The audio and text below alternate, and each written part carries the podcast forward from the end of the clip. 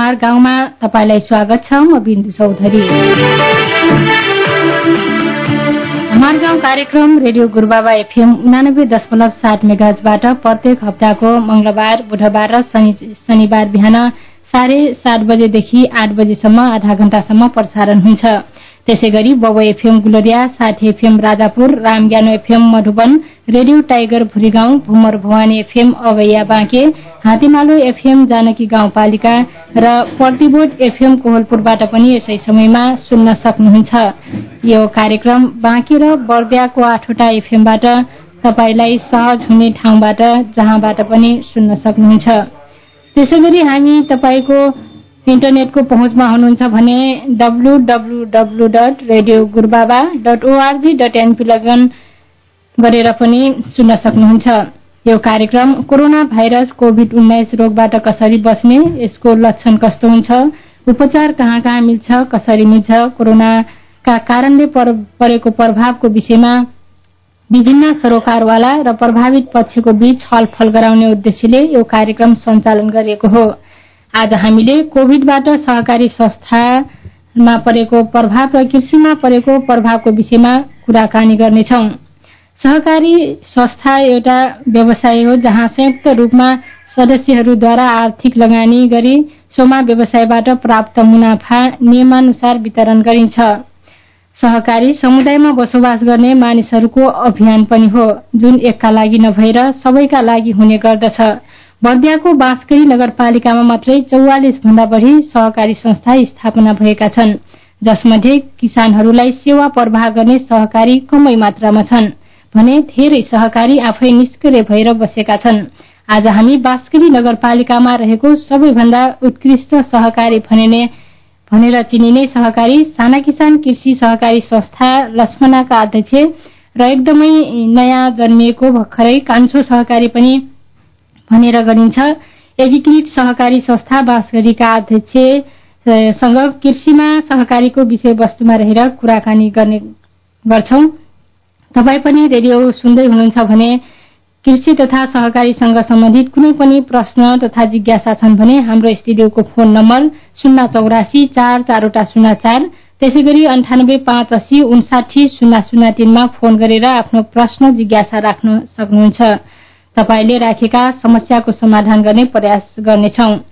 आज हामीसँग कुराकानी गर्नको लागि साना किसान कृषि सहकारी संस्था लक्ष्मणाका अध्यक्ष देवीसरा जैसीज्यू र एकीकृत कृषि सहकारी संस्था बाँसगढीका अध्यक्ष गोविन्द प्रसाद उपाध्यायज्यू टेलिफोन सम्पर्कमा आइसक्नु भएको छ। अध्यक्षज्यू यहाँहरू दुवैलाई स्वागत छ मार्गाउँ कार्यक्रममा। नमस्कार। सुनिराख्नु भएको छ।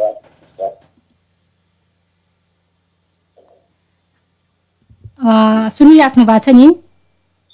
हजुर हजुर मैले सबैभन्दा पहिले अध्यक्ष गोविन्द उपाध्याय सरबाट नै सुरु गरे। कस्तो छ अहिले कृषि सहकारी संस्थाको अवस्था? धन्यवाद।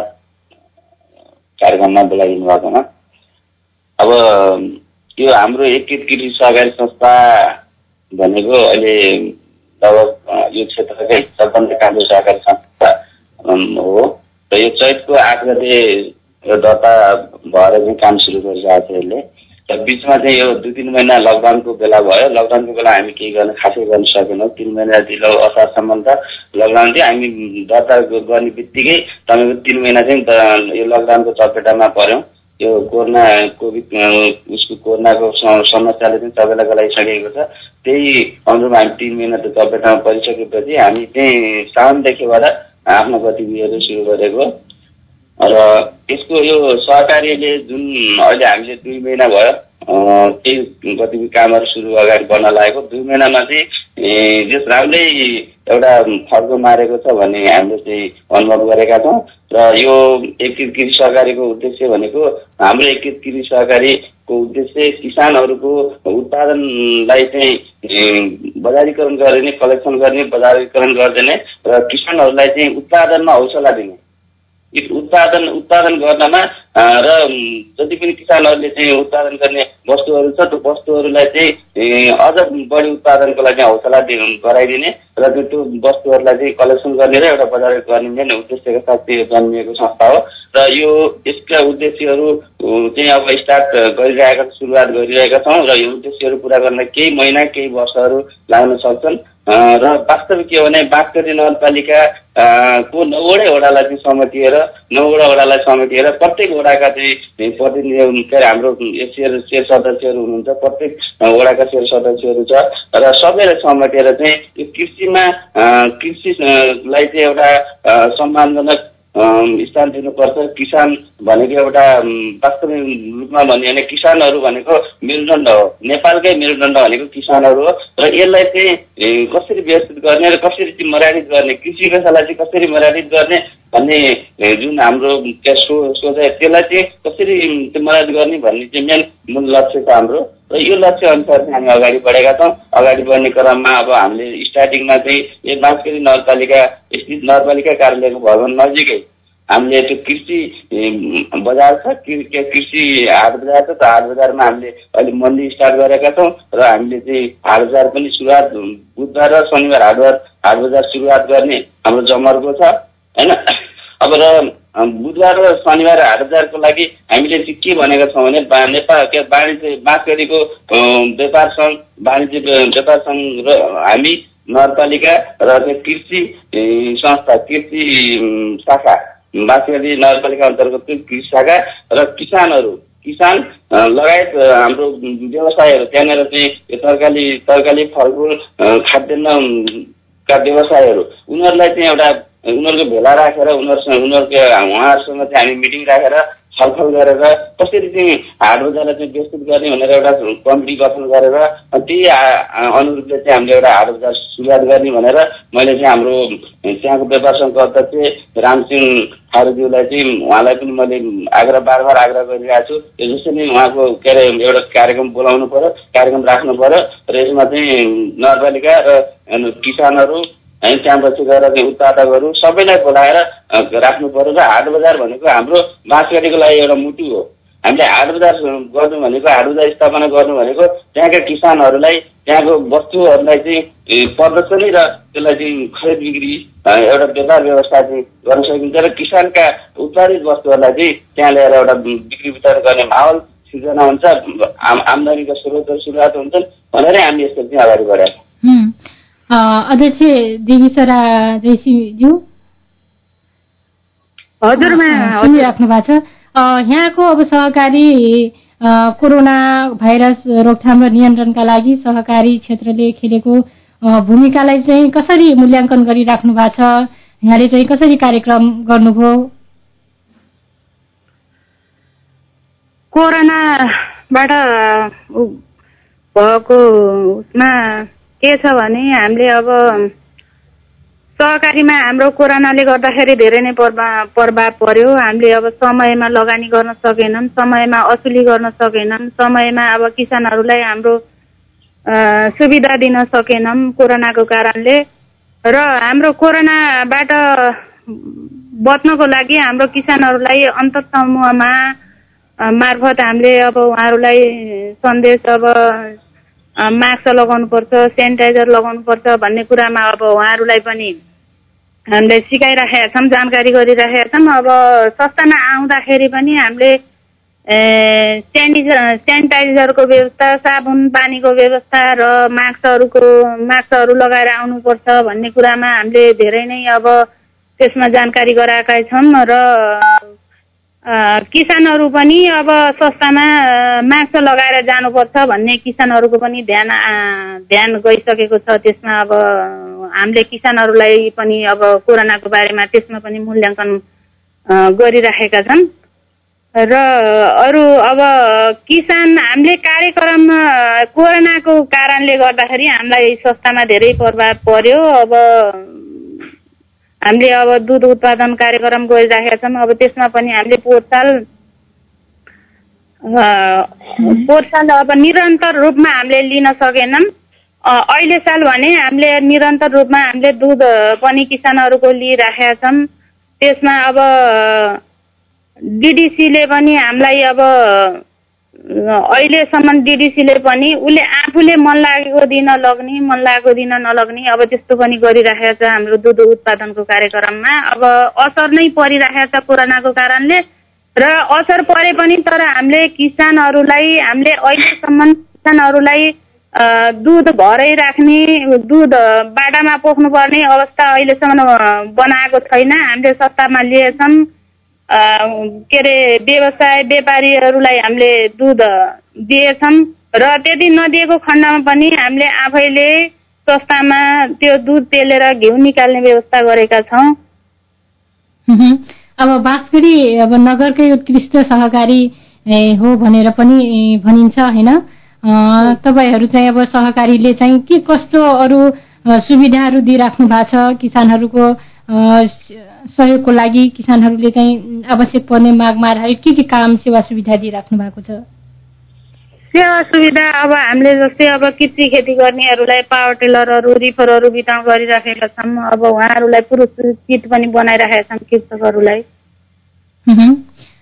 एकीकृत कृषि सहकारी संस्था बाँसगढीले चाहिँ फेरि कृषकहरूको मागलाई मध्यनजर गर्दै हाट बजार सञ्चालन गरिरहेको छ। अघि सरले पनि भन्नुभयो यसभन्दा पहिले नगरपालिकाले नै धुमधामसँग होइन कृषि हाट बजारको उद्घाटन गर्यो सञ्चालनमा पनि ल्यायो। केही बेरमै हो केही समयमै चाहिँ बजार लिन सकेन।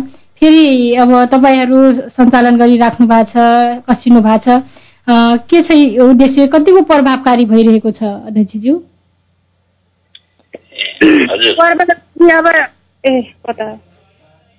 हजुर।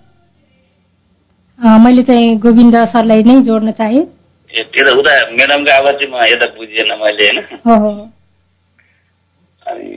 अब यस्तो छ तपाईँको यो कस्तो रहेछ भनेदेखि किसान अब जस्तै हामीले चाहिँ एउटा कन्सेप्ट ल्याएर हाम्रो एकीकृत कृषि सहकारी संस्थाले चाहिँ बाँसगढीमा एउटा हाट बजार स्थापित गर्नुपर्छ। र त्यहाँको उत्पादित वस्तुहरूलाई चाहिँ त्यहीँबाट बिक्री वितरण अथवा चाहिँ बाहिर ल्याएर बाहिर लगेर विदेश बाहिरतिर विभिन्न सहरहरू ठुल्ठुला सहरहरूमा लगेर चाहिँ बेच्नुपर्छ होइन? भन्ने चाहिँ मेन उद्देश्य हो।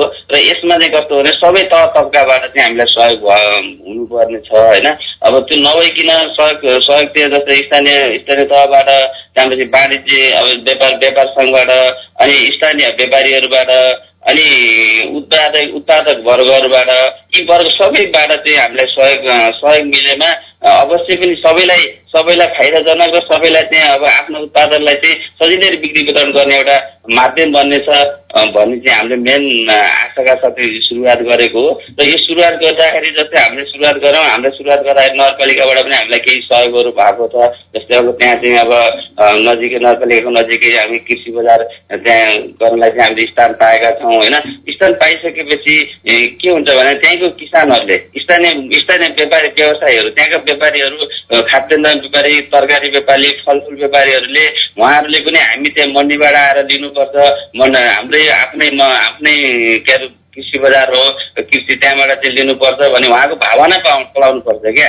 अब त्यहाँनिर कस्तो भइदियो भने त्यो भावना छन् त्यहाँको किसान त्यो त्यहाँका व्यवसायहरू त्यहाँका त्यहाँ पसल गर्ने व्यवसायहरूलाई चाहिँ त्यति भावना चाहिँ सुरुवात भएको छैन। अब उहाँहरू चाहिँ अब नेपालगञ्ज विभिन्न ठाउँमा गएर होइन सामान ल्याएर चाहिँ बेच्नुहुन्छ आखिर हामीले त्यही रेटमा हामीले त्यहाँ त्यहाँ दिइरहेको हुन्छौँ र त्यहीँको स्थानीय मान्छेले त्यहाँ उहाँहरूलाई नै सजिलो होस्। उहाँहरूलाई सजिलो होस् किसानहरूलाई सजिलो होस्। स्थानीय त्यहाँका बजार मान्छे उपभोक्तालाई सजिलो होस् त्यहाँ आएर सामान किन गर्न सकोस् होइन? भनेर यसरी चाहिँ हामीले चाहिँ एउटा सर्कल गराउनको लागि सजिलोको लागि र भोलि एउटा बाँसगढीमा चाहिँ हाट बजार सुरुवात छ है। कृषि बजार चाहिँ सुरुवात भएको छ। अब यसलाई चाहिँ मलजल गर्नुपर्छ बढाउनुपर्छ भन्ने भावना होस् भन्ने हिसाबले चाहिँ हामी लागेको हो होइन? अब यसमा लागिसकेपछि अब त्यसमा चाहिँ रिस राग अब तपाईँको त्यो मन्डी मन्डी चाहिँ स्थापना भयो। अब हाम्रो तरकारी चाहिँ तरकारीहरू तपाईँ लैजानुहोस् तरकारीहरू लानुहोस् त्यहाँबाट बिक्री वितरण गर्नुहोस्। त्यहीँका किसानहरूका उत्पादन तरकारीहरू हामी लिन्छौँ। लिइसकेपछि हामी सुपथ बन्नेमा। सरकारीले चाहिँ नाफा कमाउनको लागि आएको होइन। नाफा नाफा भन्दा पनि तपाईँको सेवा सुविधाको लागि चाहिँ हामी तलिन्छौँ। सेवा सुविधा कसरी दिन सकिन्छ? किसानहरूका उत्पादन वस्तुहरूलाई चाहिँ कसरी चाहिँ सही मूल्य दिन सकिन्छ? त्यसलाई चाहिँ बजारीकरण कसरी गर्न सकिन्छ? अहिले चाहिँ घर घरमा अब तपाईँको भन्यो भने घर घरमा एकैचोटि फल्छ कि? जस्तै तपाईँको काउली फल्यो भने एकैचोटि सर फलिदिन्छ।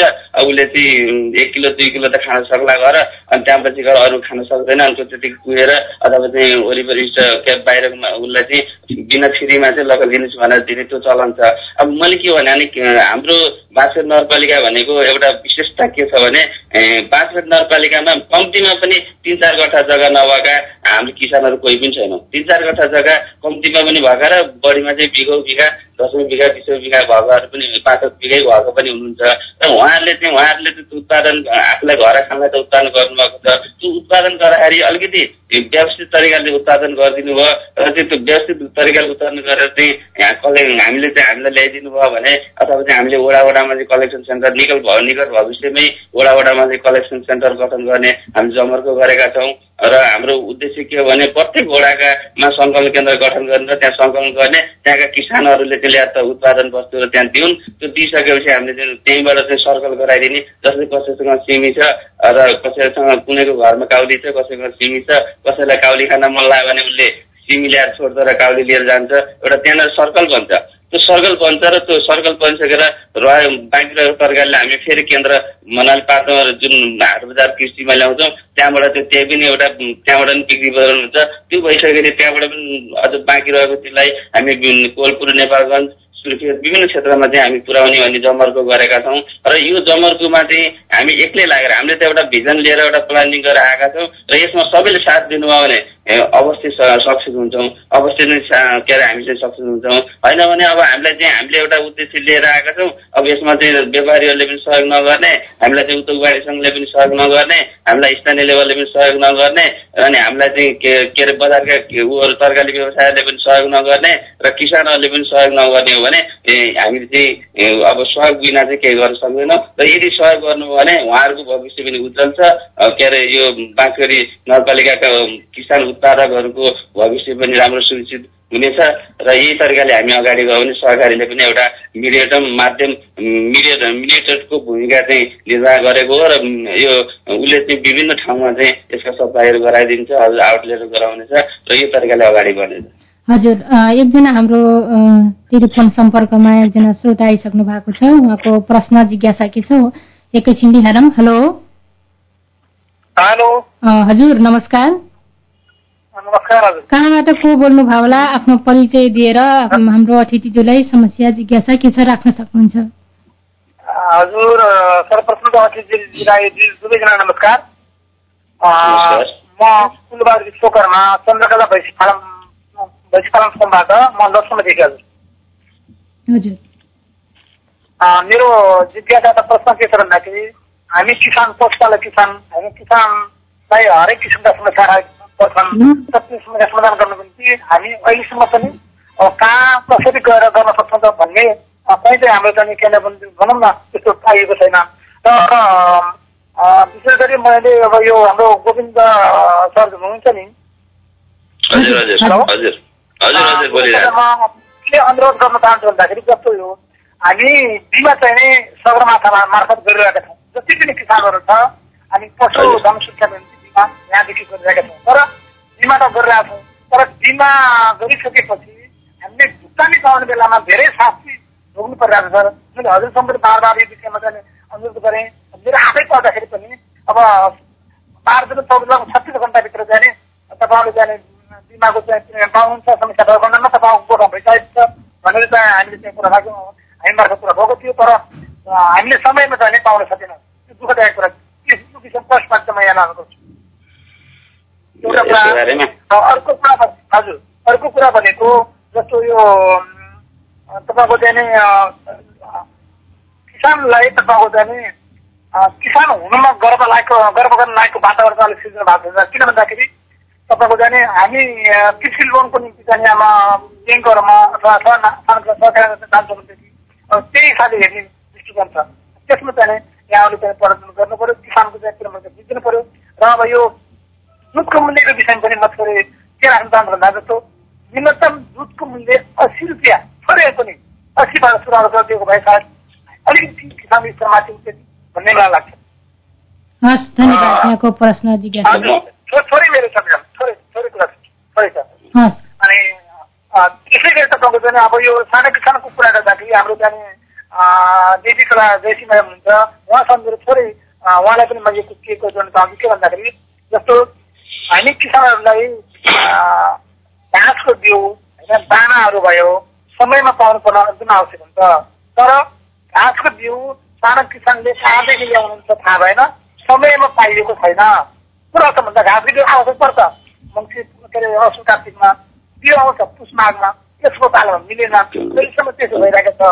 जसको कारणले गर्दाखेरि हामीले बलै बजार धाउनु पर्ने राम्रो बिउ पाउन न- नपाइने भएको हुँदा एकदमै गाह्रो भइरहेको छ। हुँदा समय अनुकूलको बिउ अनुदानमा कतिपय अनुदानमा राम्रो हुन्छ कि प्रश्न अर्को भनेको यस्तो साना किसान सहकारी संस्था रचनादेखि हामीले ऋण लिन्छौँ ऋण लिने क्रममा तपाईँको चाहिँ चौध पर्सेन्टको ऋण लिँदाखेरि हामीले भागा सार्न पाइन्छ हामीलाई अप्ठ्यारो परेको खण्डमा समाज जीवन भागा छौँ तर नौ पर्सेन्टको ऋण लिँदाखेरि त्यो भागा सार्न मिल्दैन भन्ने हुन्छ। त्यसले गर्दा के पर्छ हामी असल ऋणी हुन चाहन्छौँ।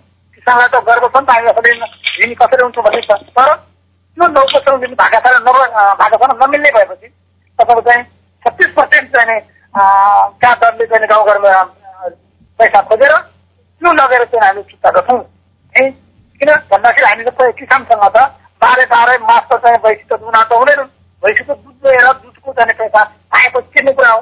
त्यसो हुँदा त्यो अवस्था छ। त्यसो भएको हुँदाखेरि त्यो कुरा व्यवस्थापन पनि गरिदिनुको निम्ति मात्र नै हाम्रो अँ, देवी कला मेडालाई चाहिँ अनुरोध गर्छु।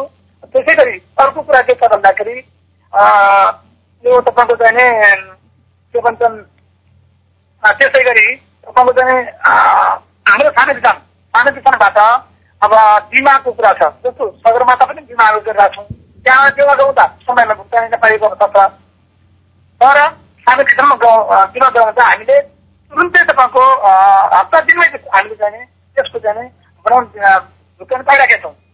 गाह्रो के भयो त भन्दा सानो किसानमा गराउँदा हामीले तिर्नु बढी तिर्नु पैसा बढी तिर्नुपर्छ तर भुक्तानी समय नै पाइन्छ।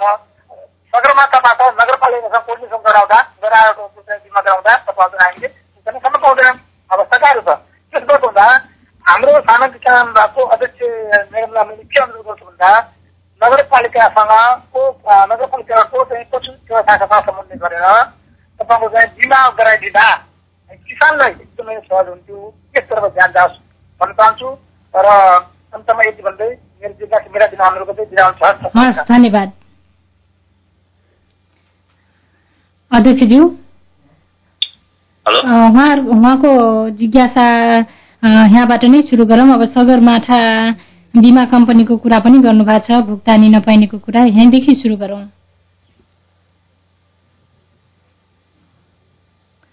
सुनिराख्नु भएको छ सर? मबाट सुरु गरौँ? हजुर हजुर। धन्यवाद। हाम्रो केसीजीले चाहिँ जिज्ञासा राख्नुभयो होइन। यसमा बिमा पहिला त बिमाको कुरा आयो। बिमाको कुरा आउँदाखेरि बाँसगढी नगरपालिकामा बिमाको बिमा बिमा चाहिँ बिमा के हो र बिमा के कसो किन गर्नुपर्छ भन्ने कुराहरूलाई चाहिँ जिज्ञा एउटा माहौल सिर्जना गर्न। चौहत्तर सालमा तपाईँको पचहत्तर सालमा पचहत्तर सालमा चाहिँ दुई हजार दुई हजार पचहत्तर सालमा हामीले त्यहाँ एउटा बिमाको बारेमा चाहिँ जनजागरण अभियान सुरु गरेका थियौँ। यसमा चाहिँ बाँस नगरपालिकाको पशु शाखा र पशु विभाग र अब हामी हाम्रो दु- दुईटाको चाहिँ समन्वयमा चाहिँ प्रत्येक वडामा प्रत्येक नौवटै वडामा चाहिँ एउटा बिमाको जनचेतना अभियान सुरु गरेको दुई हजार पचहत्तर सालमा र यो यसको अभियानको लिड चाहिँ सगरमाथा इन्सुरेन्स कम्पनीले गरेको थियो। अनि त्यहाँ पछि गएर चाहिँ पहिला अब मैले यहाँको हाम्रो किसानहरूलाई बाँसगढीको किसानहरूलाई निर्धक्क साथ म के भन्छु भने उहाँहरू त्यो बेलामा गाई चाहिँ तिस चालिस हजार चालिस पचास हजारको गाईहरू चाहिँ उहाँहरू त्यो बेला चाहिँ ल्याउ ल्याउनलाई पनि अलिकति डराइराख्ने स्थिति थियो र भैँसी पनि अस्सी नब्बे हजार सत्तरी अस्सी हजारभन्दा माथिको भैँसीहरू जस्तो मुरा भैँसीहरू ल्याउनलाई पनि केही सोध्नु पर्ने स्थिति थियो र त्यो त्यो स्थितिमा चाहिँ त्योभन्दा पहिला अरू कुनै कम्पनीहरूले आएर बिमा गरिरहेको थियो र उहाँहरू उहाँहरूको चाहिँ अब भरोसा भयो भएन अब टाइममा चाहिँ पेमेन्ट भएन भनेरै अनि सर म पनि थिएँ म पनि पहिल्यैदेखि गरिरहेको थिएँ सर सरमा त इन्सुरेन्स पनि पहिल्यैदेखि लागेको थियो तर चाहिँ सरमा त साइलेन्ट बसेको थियो। जब सर जब चाहिँ होइन के अरे उसलाई चाहिँ अब जुन सगरमाथाको स्कोप देख्यो सगरमाथाले गर्ने क्रियाकलापहरू देख्यो देखिसकेपछि सगरमाथाले आएर बिमा गर्नुपर्छ सगरमाथाले चाहिँ अभियानमा लागु सुरु गर्नुपर्छ। भन्ने चाहिँ त्यहाँको किसानहरूको चाहिँ माग आयो। माग आइसकेपछि दुई हजार पचहत्तर सालपछि हामीले नौवटा वडामा पश्चिम कार्यक्रम प्रत्येक टोल टोलमा पुगेको छु प्रत्येक प्रत्येक घर घरमा पुगेको छु प्रत्येक ठाउँ ठाउँमा पुगेको छु र अवेरनेस एउटा चाहिँ उहाँहरूलाई बिमाको चेतना जा जागरुक गरेर पहिला चाहिँ बिस पच्चिसवटा चाहिँ फर्महरू स्थापना थिए। बिस पच्चिसवटा फर्महरू गाई भैँसी बाख्राका फर्म गरेर चालिस तिस चालिसवटा फर्म थियो होला। हामीले हातमा गर्न सक्थ्यौँ बाँकी नगरपालिकाको फर्महरू। र अहिले चाहिँ तपाईँको जुन पचास दुई हजार पचहत्तर सालदेखिबाट आएर अहिलेसम्म आइसकेपछि अवेरनेस जुन जुन बिमाको चाहिँ चेतना जस्तै उहाँले चाहिँ बिमाको बारेमा बोल्न सक्ने एउटा माहौल सिर्जना भयो र उहाँले पनि एउटा व्यवसायलाई चाहिँ अगाडि बढाउने जुन माहौल सिर्जना गर्यो र यो सिर्जना चाहिँ गर्नु भनेको राम्रो एउटा खुसी लागेको छ र यसमा चाहिँ के हो भने बिमा ढिलो भनेर अब खै उहाँको मुखबाट अहिले भर्खर सुनेको छ म कसरी चाहिँ के भएको अब त्यो मलाई थाहा छैन। र अहिलेसम्म चाहिँ कसैले पनि के सहरमा त इन्सुरेन्स कम्पनीमा बिमा चाहिँ ढिलो भएको छ बिमा चाहिँ टाइममा आएन र दसचोटि चाहिँ अफिसमा राखेको छु। मेरो अफिस ल बाँसगढीको नगरपालिकाको के कुनै पनि किसानले मैले चाहिँ वर्षमा धनेन्द्र पचास लाख साठी लाख रुपियाँको क्लेम दिएको छु। वर्षमा पचास साठी लाखको चाहिँ सहरमा इन्सुरेन्स कम्पनीले क्लेम दिएको छ। त्यो क्लेम दिँदाखेरि उसले मेरो अफिस देखाएन। कुनै पनि किसानहरूले मेरो अफिसमा आएर एक दिन पनि त उनीहरूले डकुमेन्ट दिन परेको छैन उनीहरूले चाहिँ के भयो भनेर चाहिँ मेरो अफिसमा आउनु परेको छैन। हामी खुद घर घरमा लगेर हामी चेक दिने घर घरमा लगेर दिनुहोस् भनेर चाहिँ उहाँहरूलाई चेक दिने र चाहिँ उहाँ डकुमेन्टेसन यो गर्नुहोस् भनेर दिने र यहाँ कतिपय के हुन्छ भने अब यो हामीले एउटा सजिलो गरेर सजिलो तरिकाले काम गर्दाखेरि अब अलिक केही कुराहरू फरक तपाईँको चाहिँ अब बिमा नगरेको चिजलाई पनि अब अब बिमा बिमा गरेको यो गरेको भनेर चाहिँ अलिकति त्यहाँ डिफल्टहरू केही मान्छेहरूसँग डिफल्ट आउने। त्यसले गर्दा हामी निगरानी त गर्नै पर्यो। बिमा भएको केही होइन र मरेको केही होइन क्लेम परेको केही होइन। अब त्यसको त इन्भेस्टमेन्ट त गर्नै पर्छ नि।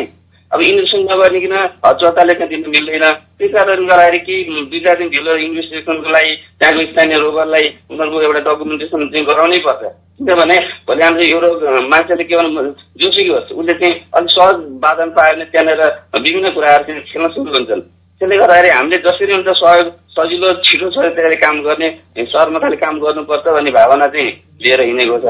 अहिलेसम्म चाहिँ कुनै कुनै के हुनसक्छ भने अब केही डकुमेन्ट नपुगेको हुनसक्छ केही कागजपत्र नपुगेको हुन्छ नपुगेका त्यसलाई चाहिँ तत्कालै उसले चाहिँ नपुऱ्याएमा वेट गरेर कतिपय महिना पनि डकुमेन्ट दिन्न भने महिनावारी डकुमेन्ट दिन्न भने उसलाई चाहिँ उसले उसको बिमा चाहिँ महिना महिना दुई महिना रोकिन्छ नि। तर उसको डकुमेन्टहरू आइसकेपछि तत्कालै चाहिँ हामीले दिएका छौँ र घरमै चेक पुऱ्याइदिएका छौँ। होइन अब सन्तुष्टि चाहिँ हामीले पुरै नगरपालिकाभरिले सन्तुष्टि गराउने भने हो तर कोही कोही किसानहरूलाई चाहिँ अब त्यही हो विभिन्न कारणले गर्दा सन्तुष्टि गर्न सकिन्न। तर हामीले सबै हन्ड्रेड पर्सेन्ट चाहिँ सेटिस्फाई गरेर अगाडि बढ्ने सुरु गरेका छौँ।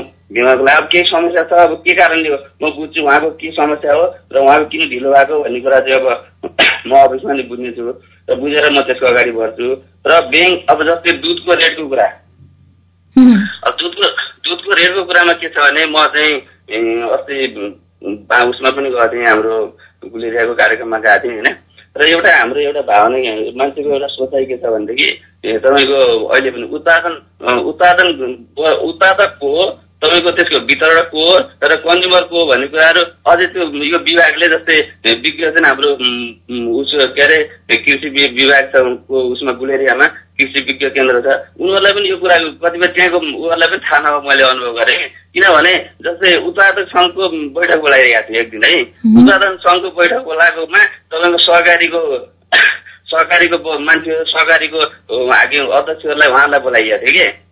भनेको के भने सहकारी ल सहकारी आफ्नो ठाउँमा छ। सरकारले उसले चाहिँ एउटा समन्वयको भूमिका खेल्छ उसले सरकारले चाहिँ त्यहाँको कलेक्सन गर्ने हो र त्यसको के अरे बजारसम्म पुऱ्याउने हो। र सरकारी पनि अब सर्टेन एउटा मुनाफामा पनि चलेको चलेको हुन्छ। र उत्पादक भनेको त शुद्ध किसानहरू हो। किसानहरूको पिरमर्काहरू के छ त? किसानहरूको पिरमर्का के छ र भनेर आयोजना गरेको ठाउँमा चाहिँ सहकारीको मान्छेहरू बोलाइएको थियो कि? अनि मैले त्यसमा चाहिँ अब्जेक्सन दिएको थिएँ। र त्यसमा के थियो भने यो हाम्रो लाइफ स्टकले कार्यक्रम गरेको थियो होइन? बुटोलबाट आउनुभएको थियो र ब्याङ्कले कृषि विकास ब्याङ्कबाट नै आउनुभएको थियो। ब्याङ्कको बारेमा पनि उहाँ लोनको बारेमा त्यहाँ कुरा भएको थियो। र मैले के भने तपाईँहरूले किसानहरूको वास्तविक वास्तविक किसानहरूलाई बुझेर वास्तविक किसानहरू उत्पादकलाई बुझ्नलाई तपाईँ आउनुभएको कि समस्याहरू बुझ्न आउनुभएको थियो कि? कलेक्सनको लागि हो भन्दाखेरि उत्पादक हो उत्पादकको लागि भने उत्पादकलाई हो भने किसानहरू कतिजना छन् त? भनेको हामी जम्मा तिन चारजना रहेछौँ त्यहाँ किसानहरू। अनि त्यही पनि मैले के राखेँ भने किसानको दुधको रेट त्यहाँ बुटलमा पैँसठी रुपियाँ दुधको रेट छ। डेरीमा तपाईँको दुध डेरीले चाहिँ पैँसठी रुपियाँ किसानलाई दिन्छ। भने हामीले हामी कहाँ यहाँ चाहिँ पैँतालिसदेखिबाट माथि छ एउटा गाईको रेट गाईको दुधको रेट हेर्नु है। तपाईँ भैँसीको चाहिँ तपाईँको पचपन्नदेखि माथि दिएको छ यहाँ तर उहाँ चाहिँ बुटलदेखि उता चाहिँ तपाईँको पैँसठीदेखि माथि छ होइन? भने त्यहाँ गएर यहाँको के फरक पऱ्यो के कारणले चाहिँ हाम्रो हाम्रो दुधको रेट चाहिँ किन कम भएको हो? यहाँको बाँकी पर्जाका किसानहरू कि नेपाली किसान होइनन्? नेपालका नेपालका जनता होइनन्? यी यी यिनीहरूको चाहिँ रेटहरू कम हुनु र उताको रेट चाहिँ हाई हुनुको कारण के? मैले यो क्वेसन राखेको थिएँ कि? अनि भइसकेपछि उहाँले के भने यो बाटोको कारणले अलिक टाढाको हुनाले बाटोको भाडाको लागि बाटोको कारणले चाहिँ यो यहाँको चाहिँ धेरै भयो के अरे कम भएको दुधको रेट हुनु ठिक छ। त्यो हो भने तपाईँले चाहिँ बा बाटोकै कारण देखाउनुहुन्छ भने हामी पन्ध्र रुपियाँ बढी पाउँछौँ भने हामी बुटल लैजान्छौँ। हामीले बुटल बुट बुटलको डायरीसँग चाहिँ हामी कन्ट्याक्ट कन्ट्याक्ट गराइदिनुहोस् हामी त्यहाँ लैजान्छौँ हामी डिडिसी त्यहाँ डिडिसीलाई दिन्छौँ त्यहाँको रेटले दिन्छ ल पन्ध्र रुपियाँ चाहिँ पन्ध्र रुपियाँ बाटोको कारणले लाग्छ नेपाल र पनि जहाँ पनि एक रुपियाँ दुई रुपियाँको फरक पर्छ अलिक टाढा र नजिक भनेको जस्तै पेट्रोलमा हेर्नु न बर्दियामा के उता बुटलतिर चाहिँ एक रुपियाँ सस्तो छ भने यहीँ बाँकीमा एक रुपियाँ सस्तो छ भने पचास पैसा चाहिँ यहाँ म के उसमा बर्दियामा महँगो छ क्या भने त्यो पचास पैसा पच्चिस पैसा भनेको कुरो बाटोको कारण हुन्छ। तर त्यो पन्ध्र पन्ध्र रुपियाँ बिस रुपियाँ चाहिँ बाटोको कारण त हुन्छ नि। त्यसले गर्दाखेरि यो दुधको रेट चाहिँ बराबर हुनुपर्छ। नेपाल राज्यभरिका किसानहरूको लागि डिडिसिएल दिने रेट एउटै हुनुपर्छ र यसलाई अब कहाँ कसरी उठाउन सक्नुभयो त्यो तपाईँहरूले उठाउनु पऱ्यो र हामी पनि अगाडि बढ्नु पऱ्यो भनेर अस्ति चाहिँ म यो कुरा पनि राखेको मैले अब त्यसलाई कति क्रिया कार्यान्वयनमा लगेको छ अहिले बुझ्नुपर्ने हुन्छ। र समस्या छ दुधको रेटमा समस्या छ। हामी बुझ्छौँ। त्यो रेटलाई चाहिँ कसरी अगाडि बढाउने कुरा चाहिँ अगाडि अब चाहिँ सबै निकायहरूले भन्नुपर्छ गर्नुपर्ने हुन्छ होइन? ब्याङ्कको लोनको कुरा यसको बारेमा अलिक छोटकरीमा गरिदिनु हाम्रो कार्यक्रम लगभग समय कम छ। हजुर। अनि ब्याङ्कको लोनको कारण त म भने एउटा किसानहरूको लागि चाहिँ बिना धितो पन्ध्र दस लाख पन्ध्र लाखसम्म किसानहरूको लागि चाहिँ गर्ने भने ब्याङ्कले चाहिँ ब्याङ्कको माथि एउटा डास्टबिनको निर्णय कृषिमा चाहिँ लगानी एटी पर्सेन्ट गर भनेर भनेको छ। अब त्यसलाई चाहिँ ब्याङ्कले चाहिँ अब कतिपय हामीले गरिसक्यौँ भनेर लुगाइरहेको हुन्छ र डकुमेन्टेसन पुगेन भनेर चाहिँ अलिकति कम गरिरहेको हुन्छ त्यसलाई त अब अब त्यसमा चाहिँ समन्वय गरेर सबै त्यो निकायले ब्याङ्किङ ब्याङ्किङ सेक्टरको निकायले तपाईँको स्थानीयले चाहिँ अलिकति आयो भने ब्याङ्कले पनि त्यो प्रोसेस अगाडि कृषि विकास ब्याङ्क राष्ट्रिय वाणिज्य ब्याङ्कले पनि अगाडि गर्न सक्छ होइन? यसरी चाहिँ अगाडि बढ्न सक्छ र यसरी चाहिँ हामी अब उठेका जस्तै उहाँले उठाएको समस्या यी नै छन्। सबै बिमाका बारे ब्याङ्कको बारे दुधको रेटको बारे समस्या समस्या छन् यो हल गर्दै जाने हो सबै चाहिँ मिलेर जाने होइन अगाडि बढ्न सकिन्छ। साना किसान सहकारीमा पनि गुनासो गर्नु भएको छ। घाँसको बिउ दाना समयमा नपाउने भन्ने कुरा। अध्यक्षज्यू सुनिराख्नु भएको छ म्याडम? हजुर। हजुर। यसको बारेमा प्रश्न पारिदिनुहोस् न। यो घाँसको बिउको बारेमा के छ भनेपछि अब हामीले नगरपालिकाबाट ल्याउने हो। घाँसको बिउ पचास पर्सेन्ट अनुदानमा हामीले नगरपालिकाबाट ल्याउने हो। अब सस्ताले अन्तबाट किन्दाखेरि पनि अब किसानहरूलाई महँगो पर्न सक्छ भनेर अब नगरपालिकाले पनि अब सानो किसानलाई भनेर घाँस उपलब्ध गराइदिन्छ। हामीले त्यहाँबाट पचास पर्सेन्ट ल्याउ पचास पर्सेन्टमा हामीले त्यहाँबाट घाँसको बिउ ल्याएका हुन्छौँ अनि नगरपालिकाले समयमा र अब किसानहरूले चाहिएको बेलामा घाँस उपलब्ध गराइदिन्न। त्यस कारणले गर्दाखेरि अब अलिकति किसानहरूलाई मार परिराखेको छ। समयमा उहाँहरूले घाँसको बिउ लगाउन सक्नु भएको छैन। समयमा अब हामीले पनि दिनु छैनौँ किसानहरूलाई। हजुर। अब कृषकहरूको मागमा मागलाई चाहिँ ध्यानमा राखी सहकारीको माध्यमबाट नै उन्नत बिउ उत्पादन जैविक मल उत्पादन होइन? पशु आहारा उत्पादनका लागि जुन अनुदान प्रदान गरिराख्नु भएको छ नगरपालिकाबाट अहिलेसम्म कति उत्पादन गर्नुभयो? उत्पादन कतिको भइरहेको छैन? गुणस्तरीय कतिको हुन्छ? उपयुक्त छ कि नै परीक्षण को व्यवस्था परीक्षण गरिराख्नु भएको छ कि नै यसको बारेमा छोटोमा बताइदिनुहोस् न।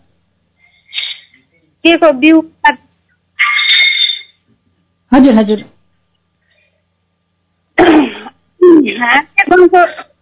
के अरे हामीले बिउ उत्पादन कार्यक्रममा हाम्रो संस्था लागिरहेको छ। अब हामीले गुणस्तर बिउ उत्पादन गर्नको लागि अब अहिलेसम्म गरिराखेका छौँ। अब त्यो कस्तो छ भन्ने कुरा अब संस्थाले भन्दा पनि अब बाहिरको अब किसानहरूलाई थाहा होला।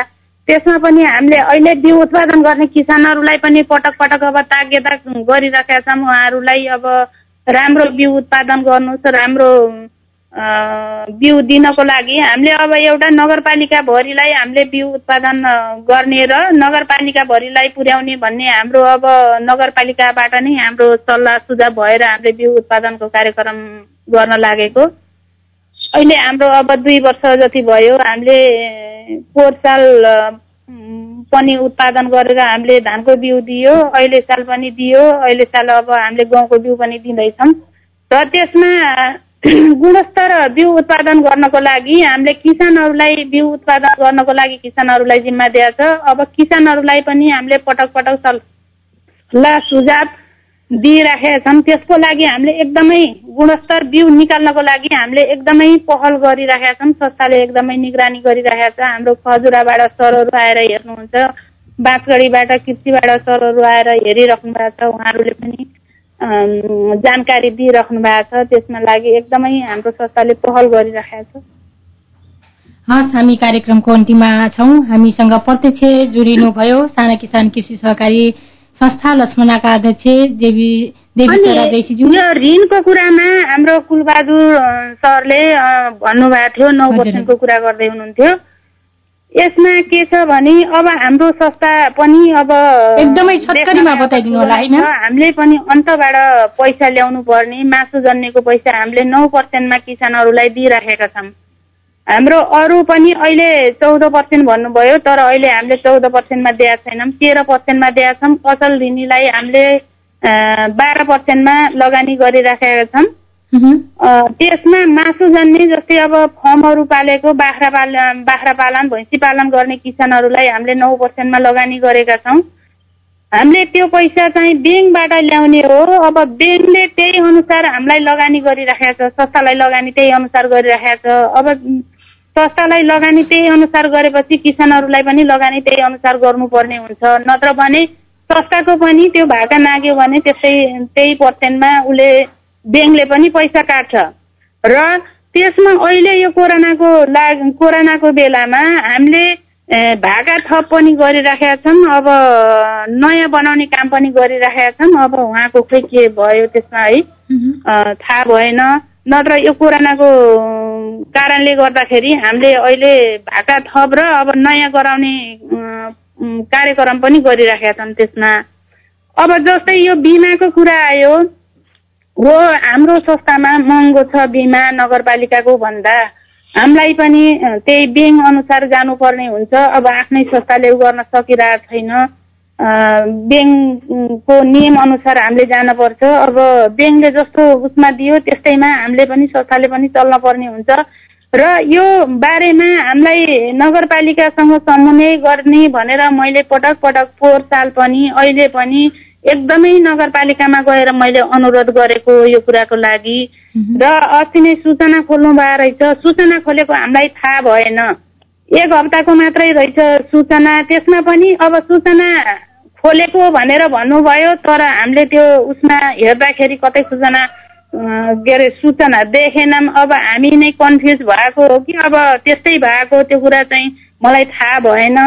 यो बिमाको बारेमा पटक पटक अब नगरपालिकाभरिको ठुलो संस्था हो यो बिमा हामीले पनि गर्न सक्छौँ हामीले सबैलाई गर्छौँ। अहिले अब तिनवटा वडालाई हामीले तागेता अब हाम्रो संस्थामा उ गरिराखेका छौँ भने अहिले अब हामीले कार्यक्षेत्र बढाइराखेका छौँ। अब पाँच नम्बर चार नम्बर हामीले कार्यक्षेत्र बढाएर पनि अब विधान अनुमोदन गरेर पनि नगरपालिकाबाट ल्याइसकेका छौँ।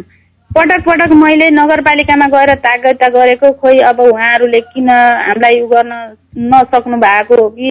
अब नगर्नु भएको हो कि? त्यो कुरा अब मलाई एकदमै गएर कतिचोटि मैले भने ल यो हामीलाई बिमामा पनि समावेश गराउनुहोस् हाम्रो संस्थाले गर्छ भनेर मैले पटक पटक मेयर साहबसँग नगरपालिकामा मैले सबैसँग गएर मैले जानकारी गराएर ताकेता गरेको तर यो कार्यक्रम चाहिँ हामीलाई सूचना खोलेको भनेर भन्दै हुनुहुन्थ्यो थाहा भएन। हस् हस् हुन्छ म्याडम। हामीसँग प्रत्यक्ष जोडिनुभयो। साना किसान कृषि सहकारी संस्था लक्ष्मणका अध्यक्ष देवी सेरा देशीज्यू र एकीकृत कृषि सहकारी संस्था बाँसगढीका अध्यक्ष गोविन्द प्रसाद उपाध्यायज्यू। यति महत्वपूर्ण समयमा हाम्रो कार्यक्रममा आएर कृषि तथा सहकारीको बारेमा जानकारी गराइदिनुभयो र सहभागिताको सहभागीहरूको जिज्ञासा सम्बोधन गरिदिनुभयो। यहाँहरू दुवैजनालाई धेरै धेरै धन्यवाद। धन्यवाद हामीलाई यो कार्यक्रममा समावेश गर्नुभएकोमा धेरै धेरै धन्यवाद छ गुरुबाबा एफएमलाई। धन्यवाद। हस् त आजको कार्यक्रम यहाँहरूलाई कस्तो लाग्यो जस्तो लाग्यो त्यस्तै प्रतिक्रिया सल्लाह सुझाव दिन नबिर्सिनुहोला। यो कार्यक्रम सुनेर साथ दिनुभयो। त्यसको लागि यहाँहरूलाई धेरै धेरै धन्यवाद। आजको कार्यक्रम हाम्रो गाउँ यही नै सकिएको छ। अब आउने मङ्गलबार फेरि पनि भेट हुने नै छौँ। तबसम्मको लागि प्राविधिक सहकर्मी अनुज थारू बाँके र बर्दियाको आठवटा एफएमको प्राविधिक साथीहरूसँगै म बिन्दु पनि विदा हुन्छु। नमस्ते।